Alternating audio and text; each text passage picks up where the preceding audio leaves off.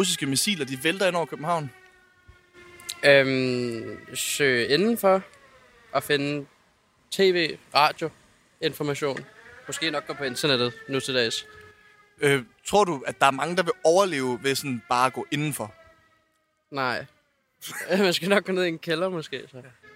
Ved du, hvad du skal gøre, når sirenen lyder, og russiske missiler regner ind over Danmark? Jeg skal finde bunker. Eller et kælderrum. Ved du, hvor den nærmeste bunker er her fra Nørrebroparken? Nej, nej, det gør jeg sgu ikke. I Danmark har vi ikke haft noget missilforsvar de sidste 18 år. Det vil sige, at vi kan ikke skyde missiler ned, der regner over landet. Er det en god idé?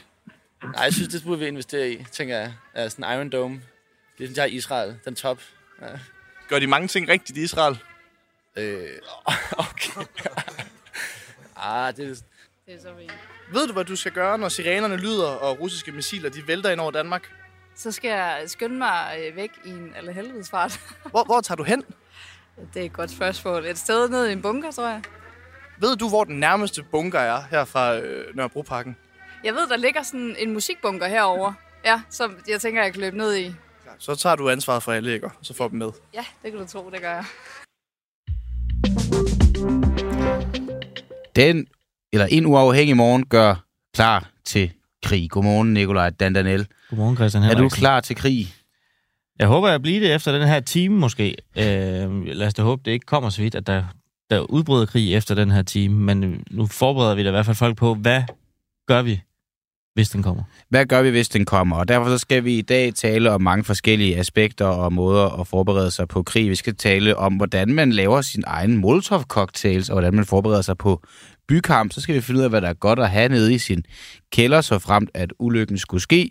Så skal vi også øh, finde lidt øh, bedre ud af, end dem, der øh, var klar over i det der klip om, hvor man søger hen, hvis øh, bomberne lige pludselig falder. Og til sidst, så skal vi altså tale om, hvorvidt at det vil være godt at have et dyrt luftforsvar, der vil kunne afvæve udefra kommende missilangreb. Men godmorgen og velkommen til, og øh, lad os så komme i gang. Og det helt store spørgsmål, det er jo, om Danmark er rustet til en invasion. Formanden for Danske Beredskaber sendte tidligere på måneden en advarsel til politikerne i Folketingets forsvarsudvalg. Kære forsvarsudvalg, om kort tid skal I drøfte et fremtids forsvars- og beredskabsforlig. I den relation håber jeg, at I er opmærksom på de faktiske forhold for redningsberedskabet.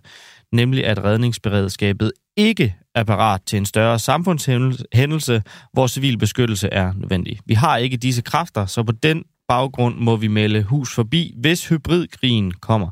Jarl Vagn Hansen, formand for Danske Beredskaber. Godmorgen. Godmorgen. I må melde hus forbi, hvis øh, hybridkrigen kommer, skriver I. Hvad, helt konkret, altså hvad, hvad mener I med det? Jamen, det er et lille historisk ris, fordi man kan sige, at øh, da den kolde krig var slut, Berlinmuren faldt, så i øh, starten af 90'erne, så, øh, så afskaffede man de facto det øh, civilforsvar, vi havde haft under hele den, øh, den kolde krig. Man har altså haft en, øh, en, en, et brandvæsen, som var under det, man kalder statens brandinspektion, og så har man haft en civilforsvar, som var under Civilforsvarsstyrelsen. Mm. De to ting, dem øh, fusionerede man simpelthen der i starten af 90'erne, øh, men det var reelt set en spareøvelse, fordi man nedlagde civilforsvaret. Så i dag har vi alene et, øh, et beredskab, altså et brandvæsen, som er indrettet til øh, de hændelser, som vi kender i fredstid, almindelige huse, der brænder, biler, hvor folk er involveret i et færdselsuheld og, og lignende. Men altså ikke noget, der minder om noget, der er længerevarende, eller hvor forsyningen svigter på den ene eller anden måde. Det har vi overhovedet ikke i dag. Og bare lige inden vi tager sådan et konkret eksempel, altså hvor meget er I, er, eller det er jo egentlig vi, hvor meget er vi prisgivet, altså hvis der skulle komme en øh, hybrid, altså hvor lang vej øh, er der til, at I er forberedt på noget, der minder om en hybridkrig? Jamen, der er rigtig langt, fordi under den, den kolde krig havde man jo øh, planer for næsten stort set alting. Man havde en meget planbaseret tilgang, det vil sige, man, man vidste nærmest sådan helt nøjagtigt, hvem skulle gøre hvad, næsten helt ned på navnsniveau. Mm. Og i dag har, eller dengang så skrottede man alle de planer og kørte dem væk. Øh, I dag har vi et system, der hedder øh, rollebaseret krisestyring, men, men det er i, i overordnede termer, Okay. og det er ikke, det er ikke ind- indøvet sådan ned i, øh, i, i detaljen. Hvis vi så skal prøve at overføre nogle af de ting, som sker i Ukraine til det, øh, hvad skal man sige, tragiske tilfælde, at noget lignende skulle ramme Danmark. Rusland ram, lammer, eller i hvert fald angriber vores elnet. Hvad gør vi? Ja, i dag har vi noget, der hedder sektoransvar i Danmark, øh, og det hylder vi rigtig meget. Det vil sige, den, øh, den øh, organisation, øh, den del af, af, hvad skal man sige, samfundet, som har et ansvar for, for en opgave øh, i fredstid, vil også have den i øh, en krise og en krisesituation. Mm. Det betyder, at dem, der har ansvaret for elforsyningen, de har også ansvaret for det, hvis, øh, hvis, hvis der uventet sker noget i forhold til elforsyningen. Mm. Det, der er problemstillingen, det er koordinationen mellem sektorerne. Altså, hvem sikrer, at, at der bliver koordineret øh, planlægningsmæssigt øh, mellem eksempelvis elsektoren og varmesektoren eller, eller andre øh, sektorer, som må betegnes som kritiske. Mm. Der er i dag ikke noget lovhjelm til at sikre den der koordination, og dermed så, øh, så, så er planen måske heller ikke i virkelighedens verden blevet tryk, trykprøvet eller tryktestet, eller planernes sammenhængskraft blevet tryktestet, og det ved jeg, de ikke er. Så i virkeligheden, altså hvis katastrofen skulle indtræffe, så er der ikke nogen, når det kommer til koordinationen, der aner, hvem der skal sende hvad til hvem. Men altså, vi har en krisestyringskoordination øh, i Dan- en krisestyringsorganisation i Danmark, hvor vi egentlig har øh, skabt et rum for at, at, at, at forsøge at sikre den der koordination, men det er sådan set forberedelsen til, øh, at det sker, fordi hvilket planlægningsniveau skal man, skal man sikre? Altså, hvem sætter krav til, hvor godt man skal kunne være forberedt i den enkelte sektor? Det er der ikke nogen, der øh, sætter nogen krav for. Mm. Øh, der er heller ikke nogen, der, er- altså så vil sige, du kan godt have en elsektor, der, der, der siger, at vi, vi forventer at få følgende leverancer fra andre sektorer, eller de er op og kører inden for en time eller to. Men det er jo ikke sikkert, at de andre sektorer er op og kører inden for en krise, eller inden for en time eller to. Mm. Øh, så, så, så, så, så derved så falder, så falder planen. Der er ikke nogen, der kan sige, den planlægning, I har lavet, den er ikke stærk nok.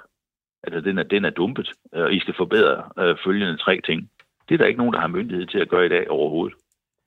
Men hvilke scenarier i en eventuel hybridkrig, øh, altså hvilket scenarie, hvilken form for angreb vil ligesom være det, altså du skal jo ikke, øh, hvad skal man sige, videregive statshemmeligheder måske, men hvilket scenarie vil, være, vil vi være dårligst forberedt på, som det ser ud lige nu? Altså, for mit synspunkt, og det er jo derfor, jeg lige råber vagt i gevær, der står jo i beredskabsloven, at jeg sådan set har, har ansvaret også, hvis der er krig, krise eller krigslignende tilstand eller terror. Mm. Øhm, så vil pilen jo i sidste instans pege på, på os i, uh, i redningsberedskabet, altså i brandvæsenet. Er derfor, vi har råb- råbt op, at der ikke er øh, stærke nok planer til at, til at sikre det der. Mm. Men, men, men for mig at se, så er det jo det, jeg vil kalde øh, livets selvfølgeligheder, altså i den vestlige øh, forstand. Og det er jo el, vand, øh, varme, og i dag er det vel også, at du har internet, øh, og du kan få noget mad. Mm. Så, så hvis, øh, jeg tror, det står klart øh, for den almindelige borger, der har set øh, skygge i krigen, at, øh, øh, og det afslører man jo ikke nogen hemmelighed ved, for det har været i tv, at, Mm. at, at der, er, øh, der, der, der er nogen, der har spekuleret i det, vi kalder vores kritiske infrastruktur. Og det er jo at forstyrre den slags ting, øh, fordi det skaber uorden i et samfund, eller destabilitet i et samfund. Okay. Jarl Vagn Hansen, formand for Danske Beredskaber. Tusind tak, fordi du var med her til morgen. Ja, tak for i måtte. Hmm. Hvad vil Kalmar Møller egentlig gøre, hvis luftalarmerne lyder? Ja, så vil jeg nok øh, øh, tage fat i naboerne. Høre, hvad, og finde ud af, hvad vi skal gøre sammen. Så finde en løsning på det sammen øh, med alle naboerne. Og hvad, hvad, hvad, Så hvad, jeg vil, hvad, jeg vil, jeg vil, jeg vil, jeg vil, jeg vil, fare, jeg vil fare rundt og øh, ringe alle dørklokkerne, og så indkalde til et møde. Mm. Og Okay. så finde ud af, hvad man gør, hvor, hvor man kan søge, hen. Øh, og hvad man kan gøre eventuelt, og ringe til politiet, og ringe til øh, det militære, hvor man nu kan ringe hen. Der er ikke sådan sted, man ringe hen og spørge noget.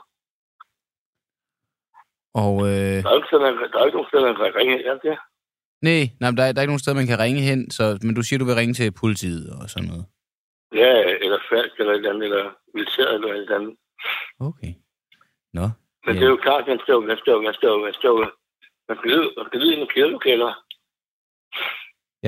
Kælder, Det er jo, først og fremmest, man bare, bare ringe, man bare blive rundt over til naboen og snakke med ham, eller naboerne, øh, og høre, hvad vi kan gøre sammen.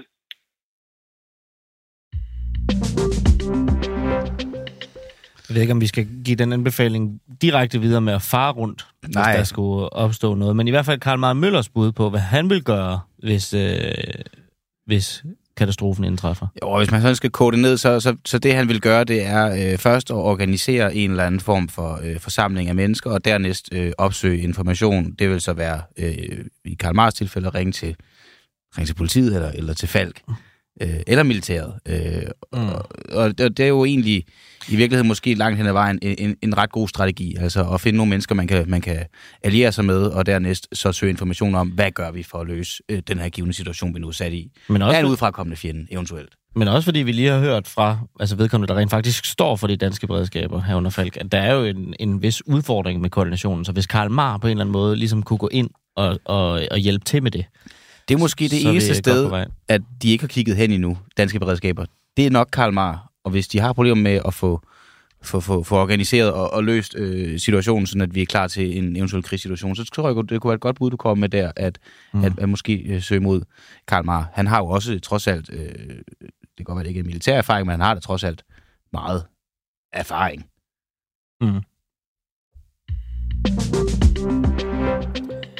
Så skal vi over i, øh, i våbenafdelingen. Øh, skal Danmark have missiler, der kan ramme Rusland op til forhandlingerne om et nyt forsvarsforlig? Der står ønskerne jo simpelthen i kø fra forsvarseksperter og forsvarsfolk.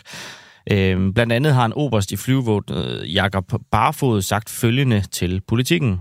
Luftkrigs særlige karakter gør, at man kun kan forsvare sig effektivt ved at gå til modangreb. Det er en grænseoverskridende erkendelse, som nok overrasker de fleste. Jakob Barfod, oberst i flyvevåbnet, Ph.D. i statskundskab, som i det her tilfælde udtaler sig som privatperson, men godmorgen alligevel.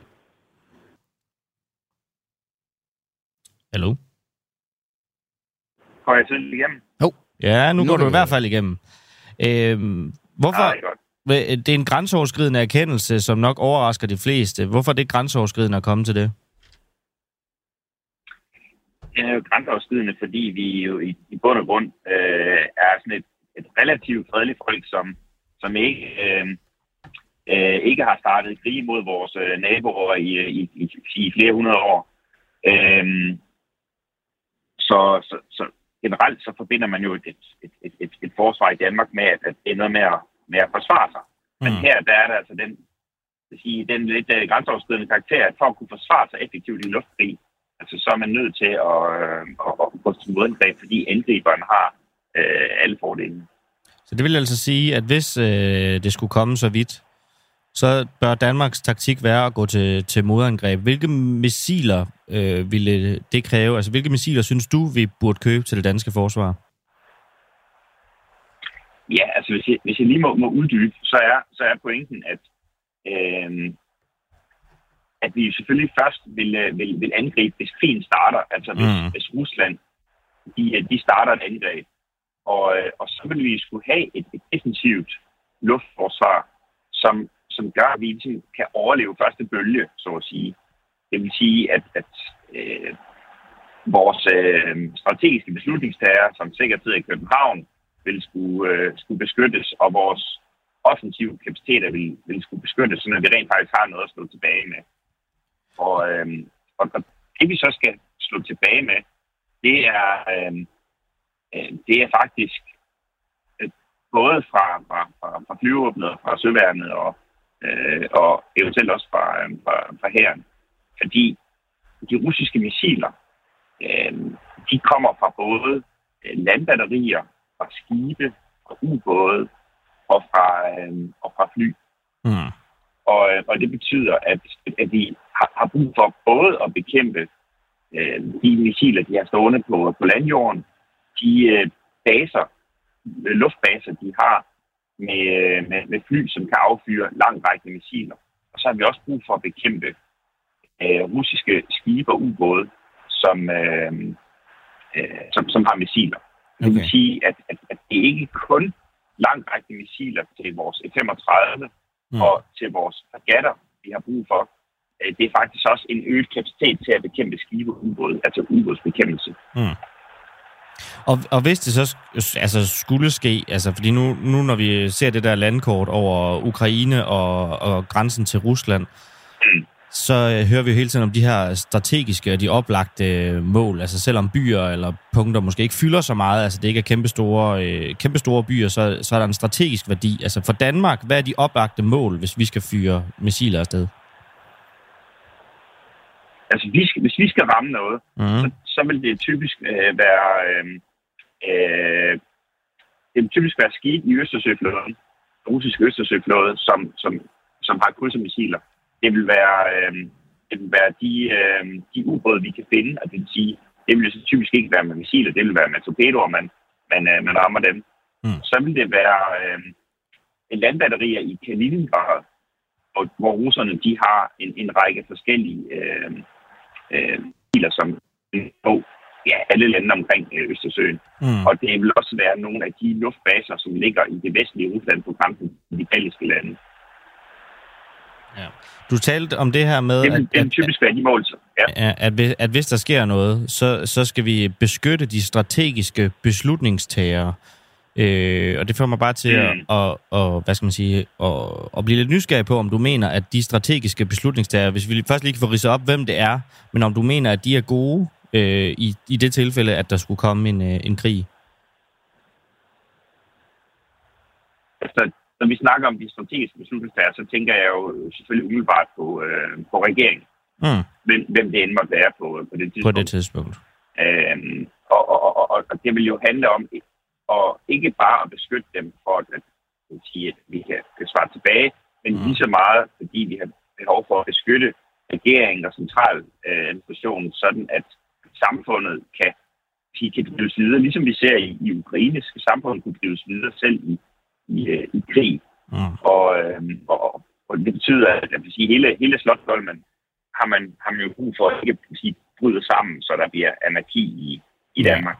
Vil, vil, du være, vil du være tryg ved i det tilfælde, at det skulle blive nødvendigt, at det var hvad skal man sige, den regering, de politikere, der er nu, som skulle overgå til at være de strategiske beslutningstagere i tilfælde af krig? Jeg tror, jeg vil være, være tryg ved, øh, uden, altså nærmest ligegyldigt, hvad for en øh, regering vi, øh, vi, vi har haft i Mm. de sidste 50 år, så vil jeg være tryg ved, at, at, at, at de vil træffe øh, den, øh, den rigtige beslutning, hvis Danmark bliver, bliver angrebet, eller hvis en af vores allierede bliver angrebet, og vi derfor bliver trukket ind i, øh, i, øh, i en krig. Ja. Okay. hele pointen ved at, at, at, at, at kunne gøre det her, er jo at, øh, at, at gøre det klart for Rusland, de ikke vil kunne vinde ved at starte en krig, og dermed afskrække krigen. Målet vil jo være at, undgå krigen ved, at Rusland kan se, at det ikke kan svare sig, mm. og at vi er klar til det. Nu kan vi jo høre, at øh, vi kan læse i weekendavisen i weekenden, at de kommende 10 år, der skal der bruges omkring 100 milliarder mere på det danske forsvar. Øh, sandsynligheden for, Mhm. mm-hmm. hvad skal man sige, at det ligesom bliver nødvendigt øh, med, med den, de strategiske beslutninger i tilfælde af en krig. Altså, hvis du skal vurdere på en skala fra 1 til 10, hvor ligger vi så henne på, øh, på det? Jeg vil sige, at den største risiko for, for krigen med Rusland, det vil jeg faktisk sige, det er de næste fem år. Mm. Og, og, og det er der en række forskellige, øh, forskellige grunde til. Hvor høj den er, Mm. øh, er nok et spørgsmål om, hvor, hvor, hvor, hvor samlet vi står i, øh, i Vesten. Jo mere samlet vi står, jo mindre sandsynligt er det, at det sker. Okay. Men når jeg siger de, de første fem år, så er det fordi, at den her oprustning, som jo også sker i vores nabolande, vil formentlig gøre, at, at om 10 år, så, så, så er det helt umuligt for, for Rusland at opnå øh, en, en, sige, en militær øh, sejr, selv i en lynkrig mod, mod de baltiske lande. Så hvis de skal Ja, men- gøre noget, men så er deres eneste, eneste vindue det nu? Ja, ja det, det vil jeg bare sige, det er de næste fem år. For eksempel Mm. efter et amerikansk øh, præsidentvalg med, med Trump som præsident, øh, som, som måske synes, at, at et, et, et lille angreb på de baltiske lande, at det er der, det er der bare smart af Putin. Okay. Øh, det er jo sådan en ting, han har udtalt før. Så øh, det kan jo give noget usikkerhed, og selvom han måske ikke mener det, så kan det godt være, at russerne tror det, og det er det, der er farligt. Okay. Jakob Barfod, oberst i flyvåbnet og Ph.D. i statskundskab. Tusind tak, fordi du havde tid og lyst til at være med her til morgen. Velkommen. Også en god dag. Lige måde. Ved du, hvad du skal gøre, når sirenerne lyder, og russiske missiler vælter ind over København? Nej, jeg aner det ikke. Jeg tror, jeg, er det- er ikke noget med, at man skal gemme sig under sit bord eller eller andet? Tror du, det vil virke godt? Rigtig godt. Det er jo en atombombe måske. Hvad, hvad tror du, din helt rigtige, rigtige første indskydelse vil være? Ja, det ved jeg sgu ikke. Altså, jeg tror, jeg vil gå lidt i panik, ved jeg ikke. Altså, men jeg er ikke sådan synderligt bange for det. Jeg tror ikke, det er det, der sker. Ved du, hvad du skal gøre, når øh, sirenen lyder, og russiske missiler vælter ned over København? Ja. Hva, hvad skal du gøre? Øh, jeg skal ned i mit kælderrum. Ja. Og så ringer jeg til min kæreste. Sætter DJ-setup. Fyrer nogle fede DJ-sets. Øh, tager en masse sovepiller. Sætter grillen på. Og så game over. Ved du, hvad du skal gøre, når sirenerne lyder, og russiske missiler de vælter ned over København? at man skal søge tilflugt i, øh, i kælderne. Du vil gå ned i kælderen. Yep, evakuere sammen med størstedelen af resten af den danske befolkning. Tror du, øh, at mange vil overleve ved at gå ned i kælderen? Nej, overhovedet ikke. Men øh, altså, ikke en atombombe i hvert fald, men, men, men de fleste angreb jo. Altså, der kan den godt sikre en del.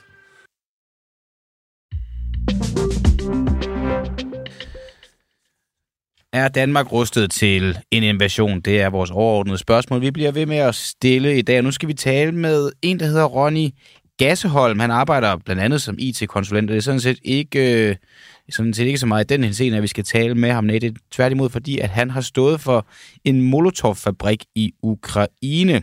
Fordi han boede i, ved krigens begyndelse i Ukraine i byen Kremonchuk, hvor han var med til at drive en Molotov-cocktailfabrik, da byen rustede sig til bykamp i krigens tidlige fase. Og Ronny Gasseholm, godmorgen.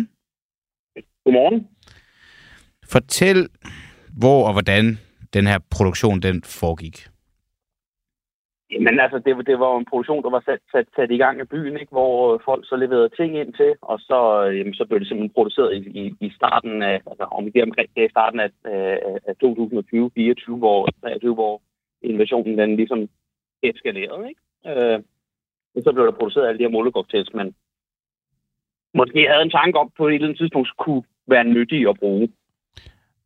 Og hvordan sådan konkret foregår det her? Altså, der er jo både sådan, hvordan fanden får man iværksat en, en gruppe mennesker til at komme her og begynde at producere Molotov cocktails, og hvordan får man fat i flaskerne? Der skal jo også bruges en masse flasker og sådan. Altså, hvordan sådan gik du systematisk til værks i forhold til at få produceret en røvfuld Molotov cocktails?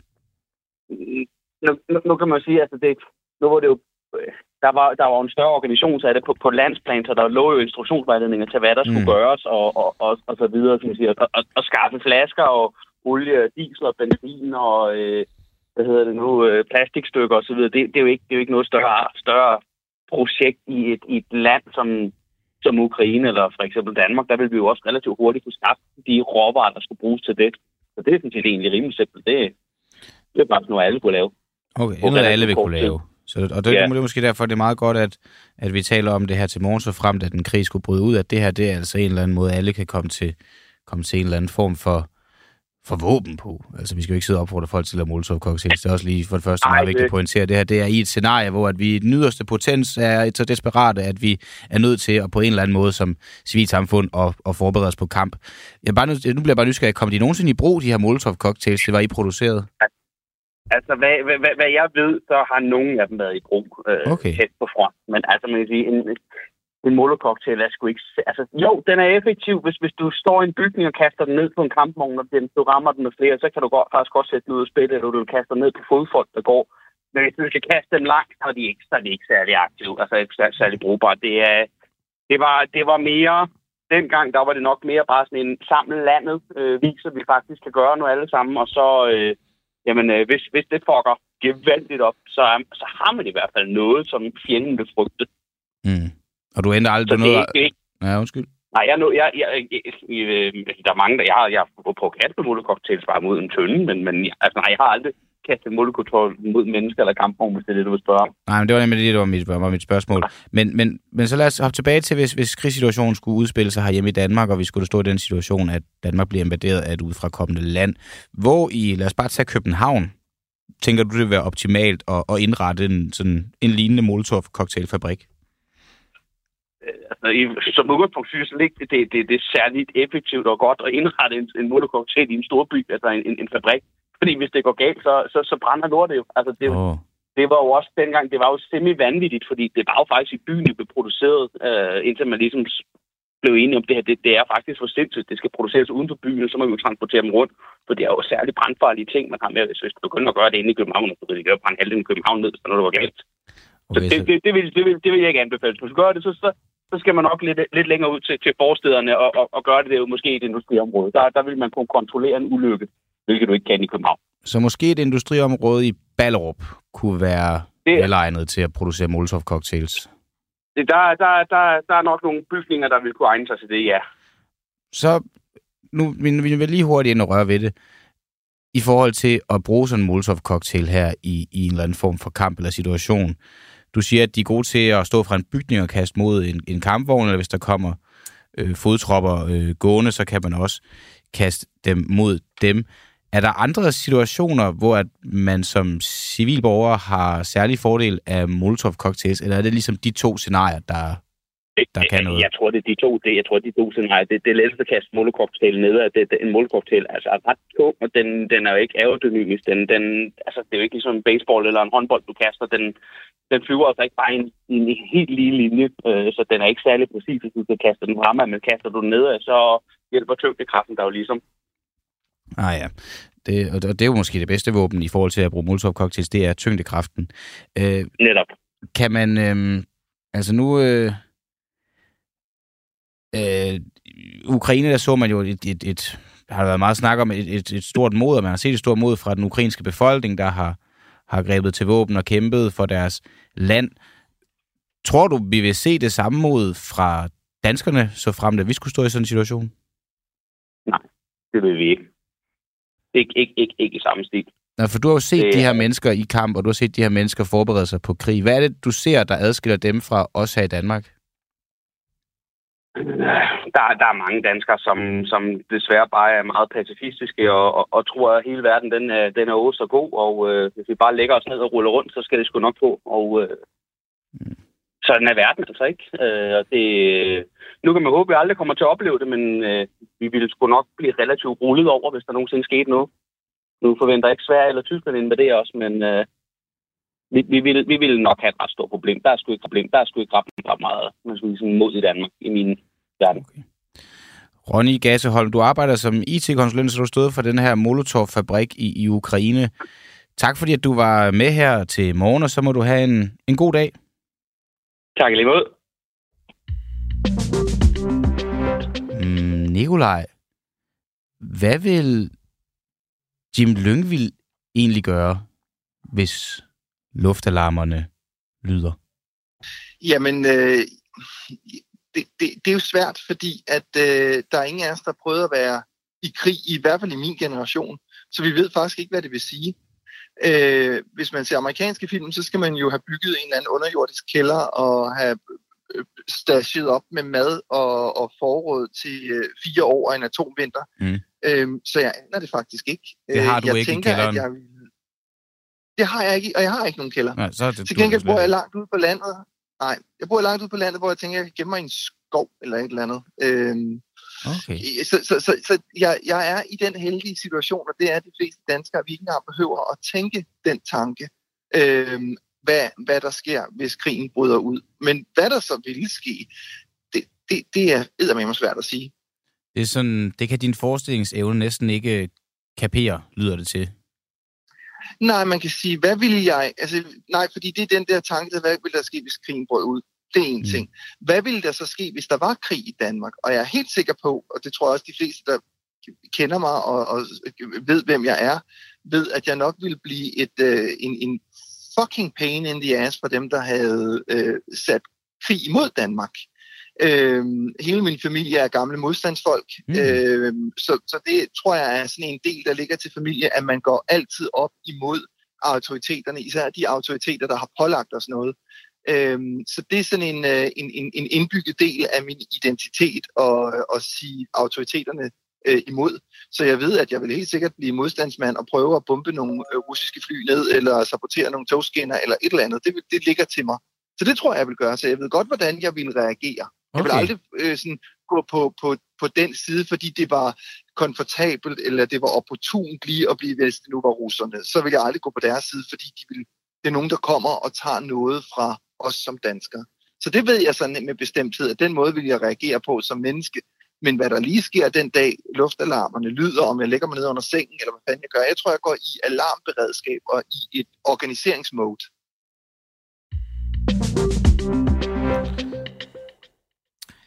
Ser politikerne stort på danskernes sikkerhed, selvom vi gladeligt sender våben og militærudstyr til Ukraine? Trusselsniveauet er på sit højeste siden den kolde krig, og som vi skal høre i det næste interview, så sætter det øh, nogle tanker i gang hos øh, flere danskere, fordi hvor skal man søge hen, hvis bomberne begynder at falde? Øh, vi havde også flere, der faktisk spurgte ind til lige præcis det i øh, nogle af de mennesker, som vores reporter Magne Hans var ude at tale Ja, med. Altså, hvor, hvor er det egentlig, man, øh, man søger dækning henne? Øh, for to måneder siden, der gik det også op for Frederikshavn-borgeren Eva Maria Erndal Frederiksen, at der ligger en flådestation i byen, som er hjemsted for en række af søværnets skibe, og dermed et muligt taktisk mål for et angreb. Og siden da, så har hun jagtet svar på, om der er beskyttelsesrum nok i byen, hvis det sker. Jeg øh, har boet i København i 20 år, øh, og der vidste jeg helt nøjagtigt, hvor jeg skulle gå hen. Jeg ved ikke, om København er speciel øh, på det område, men jeg vidste bare, hvor jeg skulle gå hen. Øh, så flytter jeg til Frederikshavn, og jeg vidste ikke, at der var en flådestation her, da jeg valgte at flytte til Frederikshavn. Så da jeg lige pludselig har, er blevet installeret i, i Frederikshavn, og de fortæller mig, jamen her er der rent faktisk en NATO-flådestation, og vi har også radaranlæg. Så hoppede jeg indvendigt en halv meter. Jeg blev virkelig forskrækket. Mm. Øh, og det gjorde jeg på grund af Ukrainekrigen. Øh, og så tænkte jeg, jamen jeg bliver nødt til at vide, hvor skal jeg gå hen, hvis vi bliver bombet her? Fordi at enhver, der har sænket slagskibe som, øh, som barn, ved, at er der noget, vi går efter, så er det, så er det flyvestationerne og flådestationerne. Det er der, vi sænker først. Og vi er et oplagt mål her.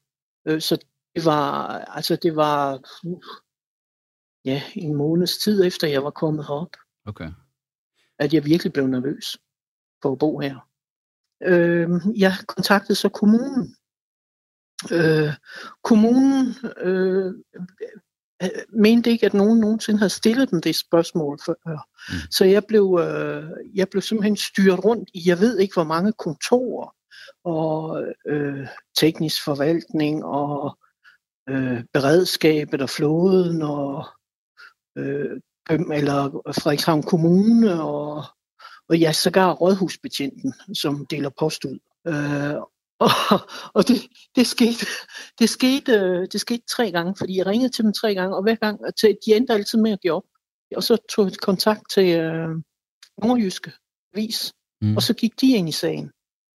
Efter en uge, så kom borgmesteren så på banen og, og svarede på Nordjyskes, øh, øh, Nordjyskes øh, artikel. Øh, borgmesteren fortalte helt nøjagtigt, her i Frederikshavn bor der 66.000 mennesker. Og der er øh, 7.000 øh, sikringsrum, der er offentlige, og så er der 33.000 øh, sikringsrum til, øh, til alle andre.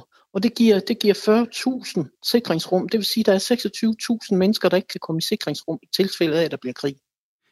Og hvor siger du, du går hen, hvis det nu sker i morgen? Jamen, hvis det, hvis det er mig, altså man kan jo sige, jeg har jo lige pludselig oplevet jo, at jeg havde mit på det tørre, fordi jeg ringede til øh, min boligforening også, øh, i forbindelse med, at jeg havde ringet rundt til kommunen der.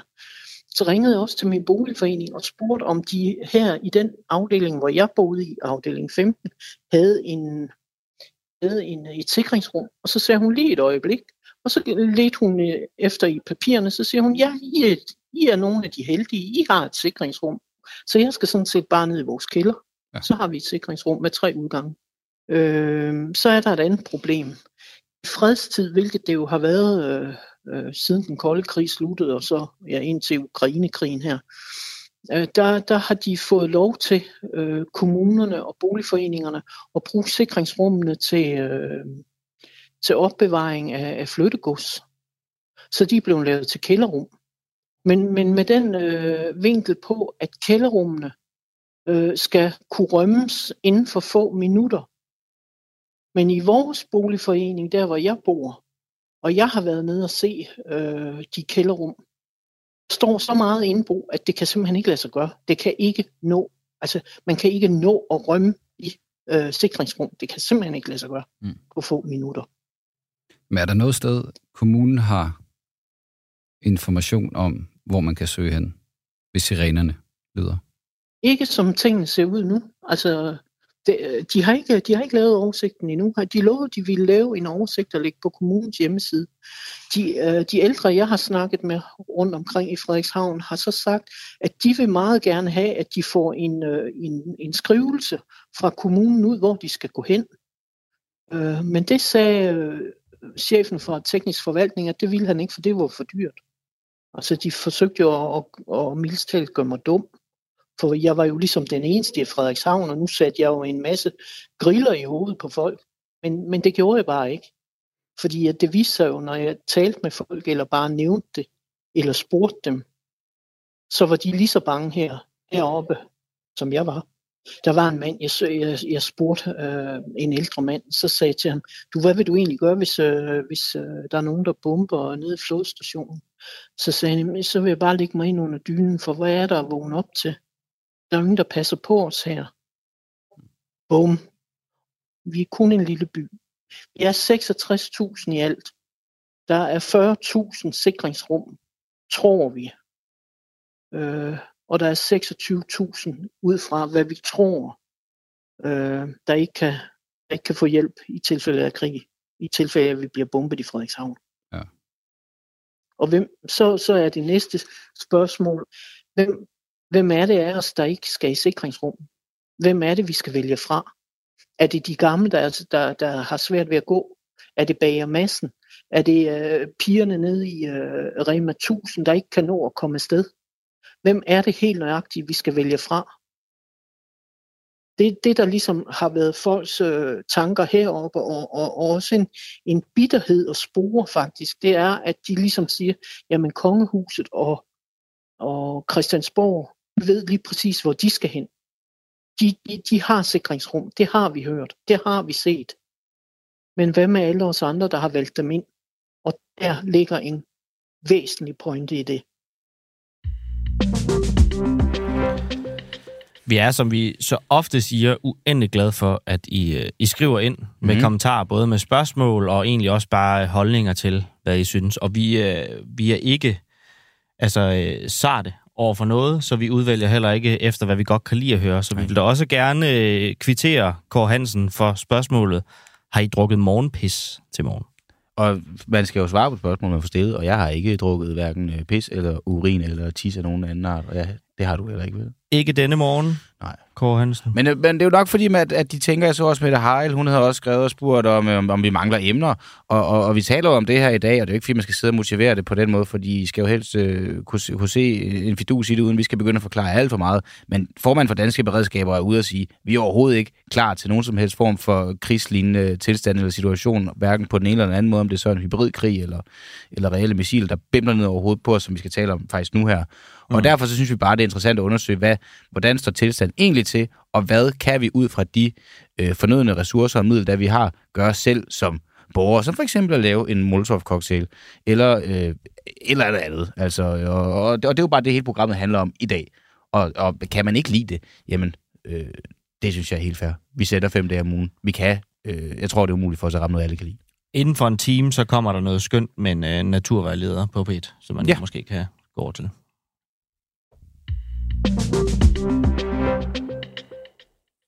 Hvad gør vi, hvis russerne affyrer missiler mod mål i Danmark i det kommende forsvarsforlig? Bør Danmark gå samme vej som Sverige og anskaffe avancerede jord-til-luft-missiler, mener en række eksperter, som TV2 har talt med.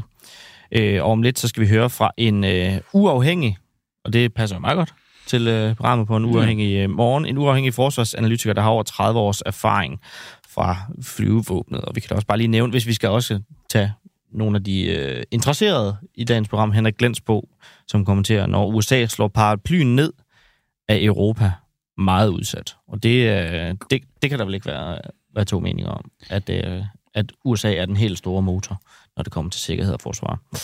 Øhm, den uafhængige forsvarsanalytiker, øh, han hedder Hans Peter Mikkelsen, og øh, jeg kan næsten høre, at han er på. Hans Peter Mikkelsen, godmorgen. Jamen, det er han nemlig. Sådan. Godmorgen. Øh, altså, hvis det skulle komme så vidt, hvad er det så for nogle missiler, du tror, at Rusland vil sende ind over øh, Danmark? Ja, altså de missiler, der sådan øh, umiddelbart er lige for, det er jo dem, der står over i Kaliningrad. Der er, øh, der er dem, der hedder Iskander. Det er sådan en taktisk øh, ballistisk missil, som flyver op i atmosfæren og kommer ned igen.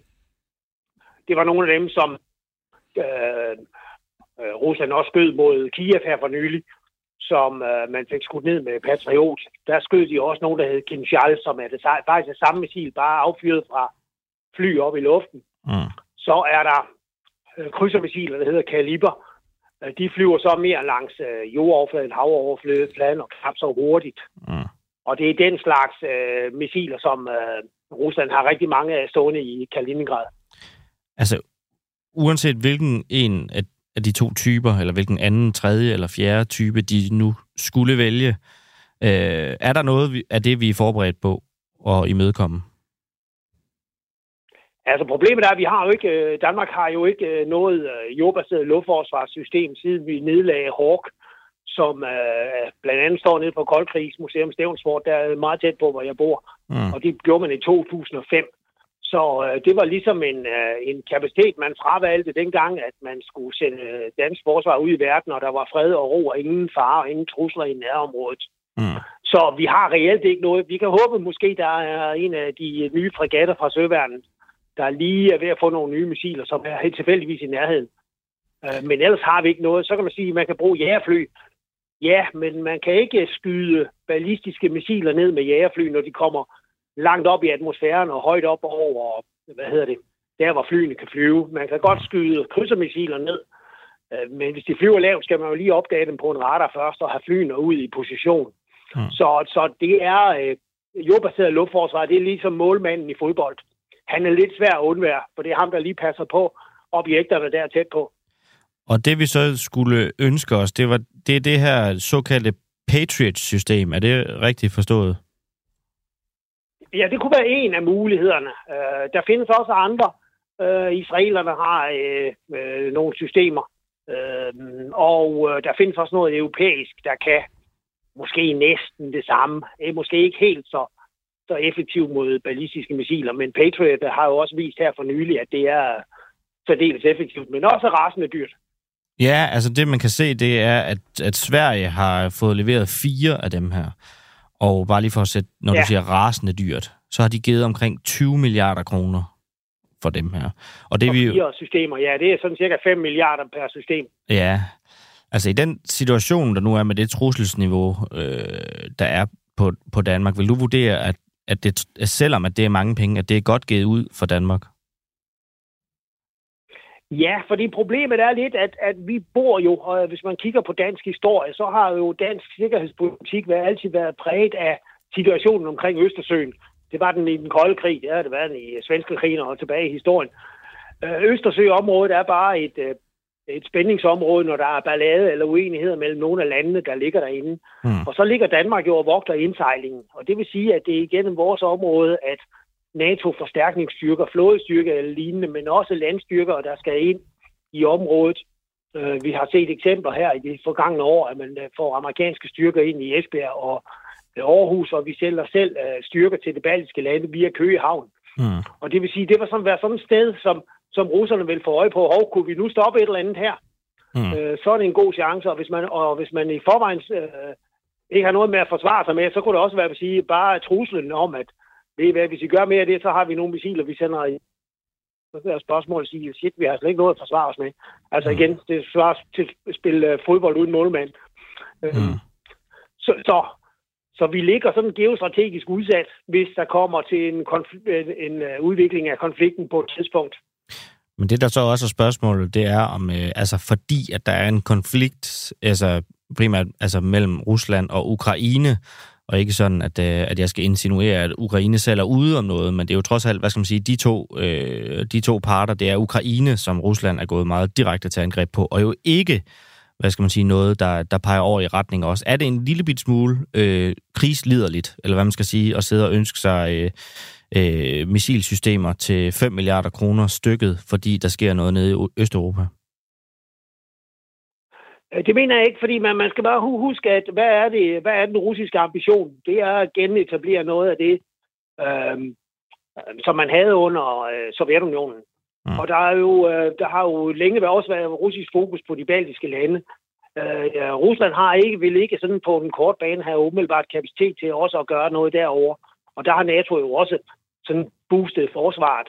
Ja. Men øh, der er jo ikke noget, der peger på, at kan vi sige, de russiske ambitioner, at de ændrer sig, eller der er noget, der ændrer sig. Heller ikke, hvis øh, Putin forsvinder. Så de fleste sikkerhedspolitiske forskere siger, at vi kommer nok, siger, at vi kommer nok til at bøvle med øh, det nuværende Rusland i sådan en 20-30 år, medmindre der sker en total revolution.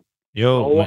jo. Så det bliver sådan et fortsat øh, spændings, øh, spændingsfyldt område, øh, Mm. som kommer til at definere vores næste, øh, de næste mange år. I de her spændinger, det var også noget af det, man talte rigtig meget om øh, under den kolde krig, at det, man ligesom var bange for, det var ligesom øh, den utilsigtede ulykke, som skulle altså være den tændstik, der satte ild til hele baduljen. Altså, hvilken konkret episode øh, kan man forestille sig vil udløse et angreb fra den ene eller den anden side i det spændingsfelt, du taler om her?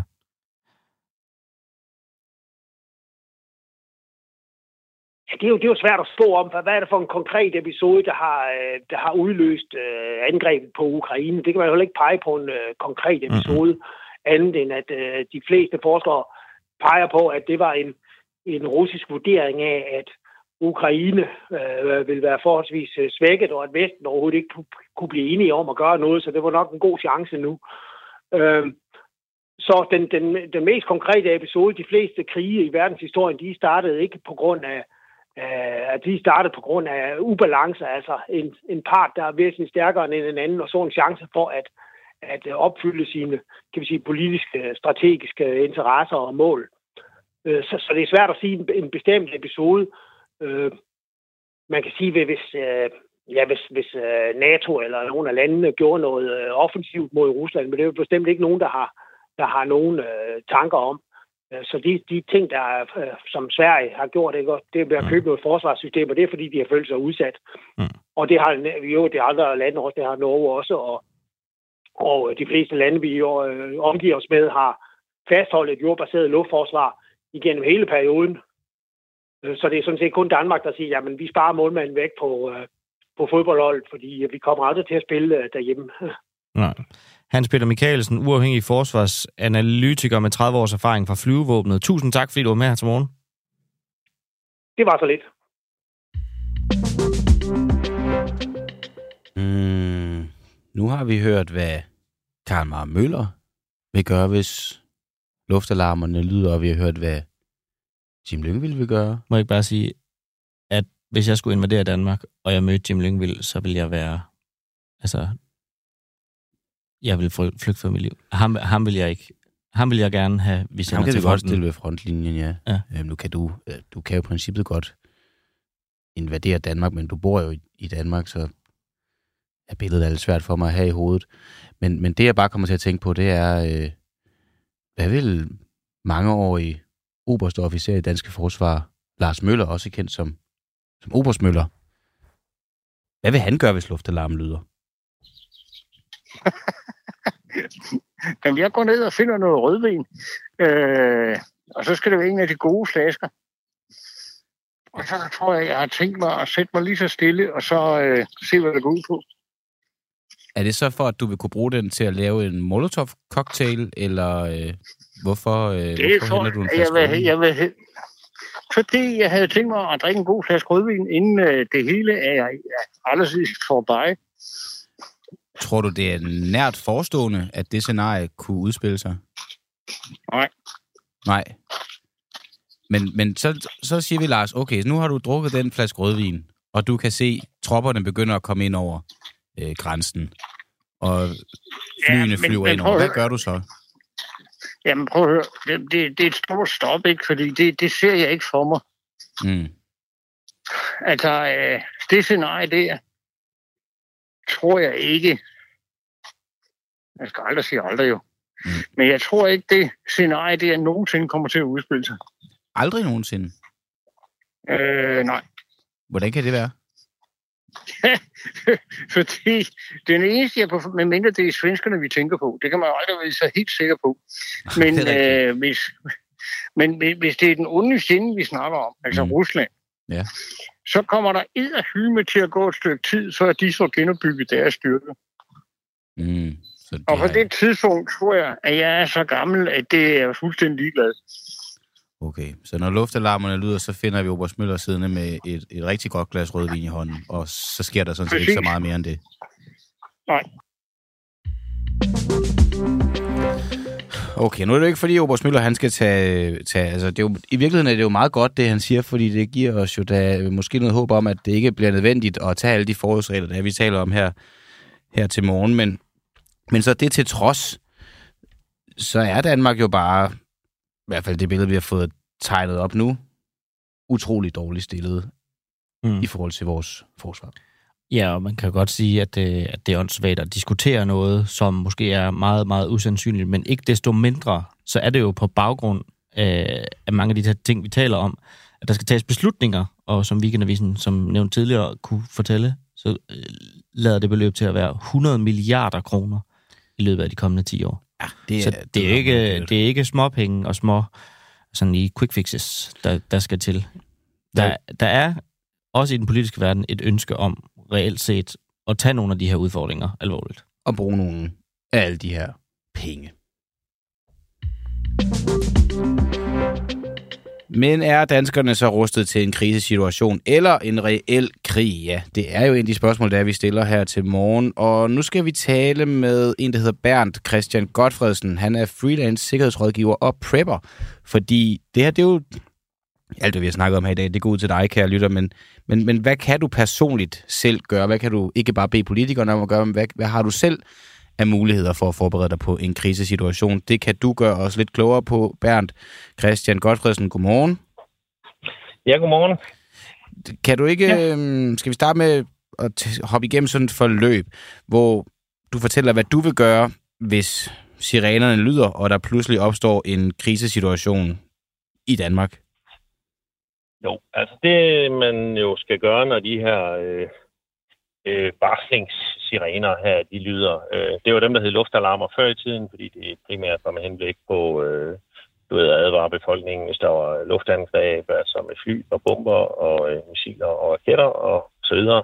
Den dag i dag hedder det en varslingssirene, og øh, de lyder i tilfælde af krig, større ulykker, katastrofer eller terrorisme. Og det, deres formål det er at advare befolkningen, hvis der opstår en situation, øh, en krisesituation, en, en, en pludselig opstået krisesituation. Øh, og der er det jo, at man skal gå inden døre og så øh, lytte til de anbefalinger, der kommer fra myndighederne. Øh, og der er det jo altid en god ting at have banet nervevejene først, og, og dog tage nogle tanker om, hvad man gør, hvis en eventuel situation øh, opstår. Mm. Og en anden ting, der er god at have, det er sådan en lille go-bag, altså sådan en lille katastrofetaske, hvor man har de ting i, som er, som er sådan mest nødvendige for... Oh, skal jeg lige flytte bilen, kan jeg se. Nå, som er nødvendige for øh, ligesom at kunne klare sig i, i tiden lige efter.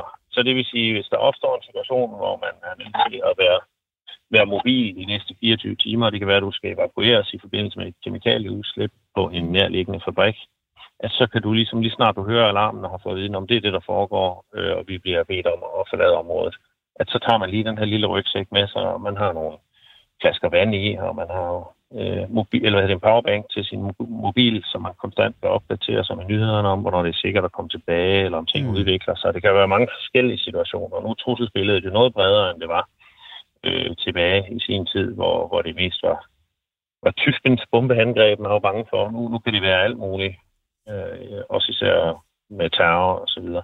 Men med de her ting, man sådan lige akut har brug for inden for de næste 24-72 timer, altså nogle flasker vand, en powerbank, og alle de her ting her, noget øh, identifikation, så man ligesom kan bevise, hvem man er, og så videre.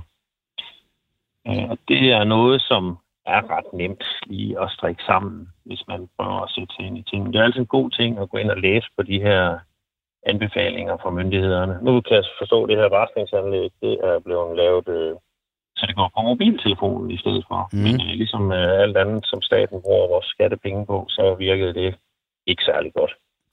Nej. Så jeg tænker, at de stadigvæk, ja, men altså, ved du hvad, øh, lad os finde den dyreste og den dårligste løsning til alt, for det er jo ikke deres egen penge. Nå, der går- gik lige lidt politik i.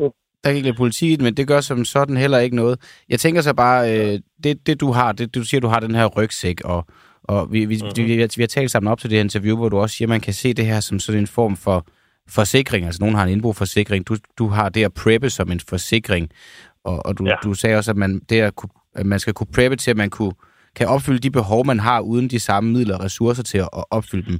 Hvilke behov er det, du har preppet til at kunne, øh, kunne opfylde, så fremt at, vi taler også om hybridkrig, så det- elnettet kan gå, varmen kan gå, det hele kan gå. Hvad har altså, de du? Behov, øh, de, de menneskelige behov, vi har, de er jo sådan set det samme øh, alle sammen, og det er også de samme i, i forhold til, uanset hvilken katastrofe det er, så har du jo stadigvæk brug for mad, du har stadigvæk brug for vand, du har stadigvæk brug for lys, strøm, varme og alle de her ting. Så det er jeg forberedt på. Altså jeg kan klare mig uden strøm i, hvert fald 30 dage. Jeg er rigelig med powerbanks og solceller og alverdens mm. ting. Også nogle ret store powerbanks.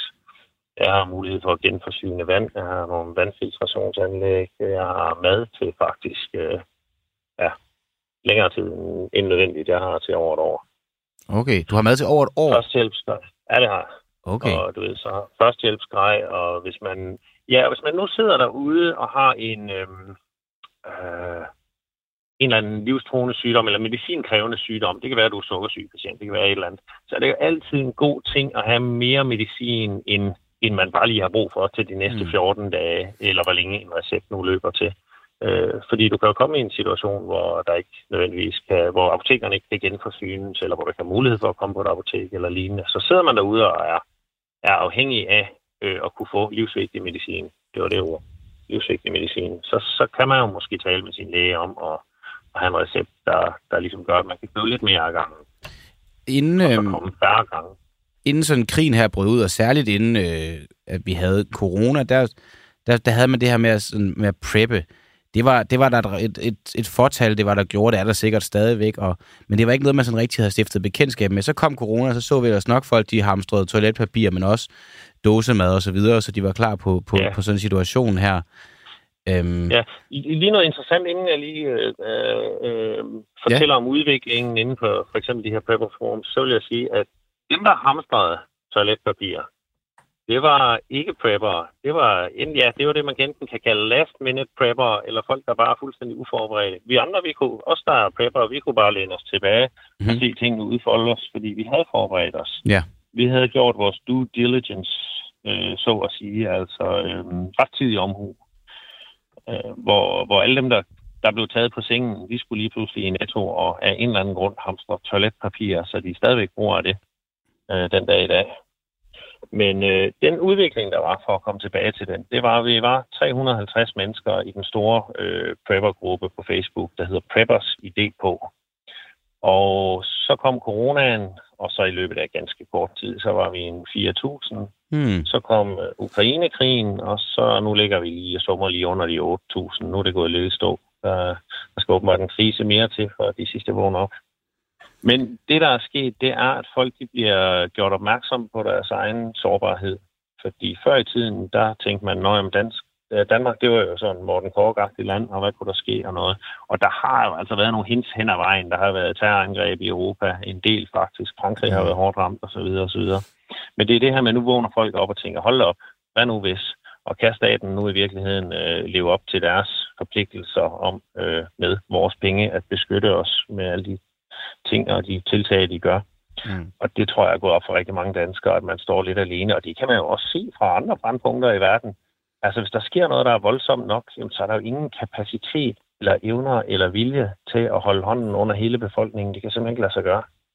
Så derfor er vi nødt til at være ansvarlige for vores egen liv og sikkerhed, og have, have truffet nogle øh, forholdsregler og, og gjort os nogle tanker.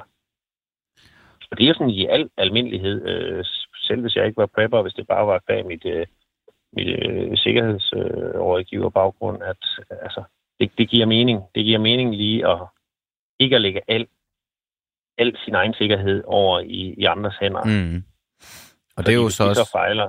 Ja, det er jo nemlig det, og det er jo det, vi så kan tale om her til morgen. Det, der har været hele afsættet for den her udsendelse, det er, at, at vi står ret dårligt øh, rent sikkerhedsmæssigt og forsvarsmæssigt. Det er dansk beredskab selv ude og melde ud her til her i går. Ja. Øh, eller ja, sidste uge, undskyld. Forsvaret, det sejler, og beredskabet er... Ja, altså ligesom om pengene, de er sygt ja. nogle andre steder hen. Præcis. Bernd øh, Christian Godfredsen, nu slår klokken 8. Jeg kan høre rådhusklokkerne. Det betyder også, at vi er færdige med at sende uafhængig morgenradio. Men tak, fordi du var med her til morgen, og så må du have en, øh, en god dag. Jo, tak. I lige måde. Tak. Og øh, tak, fordi at I lyttede med derude. Det var en fornøjelse. Jeg hedder Christian Henriksen, og ved min bil, eller ved min bil, ved min side der sad Nicolai Dandanel, der er ude at flytte en bil. Øh, og derfor sidder han ikke ved min side lige nu. Han har holdt øh, ikke ulovligt, øh, men det gør han så nu, fordi nu er klokken blevet 8, og man må ikke holde der længere efter klokken 8. Totalt ligegyldig information, men øh, tak fordi I lyttede med, og så må I have en god dag.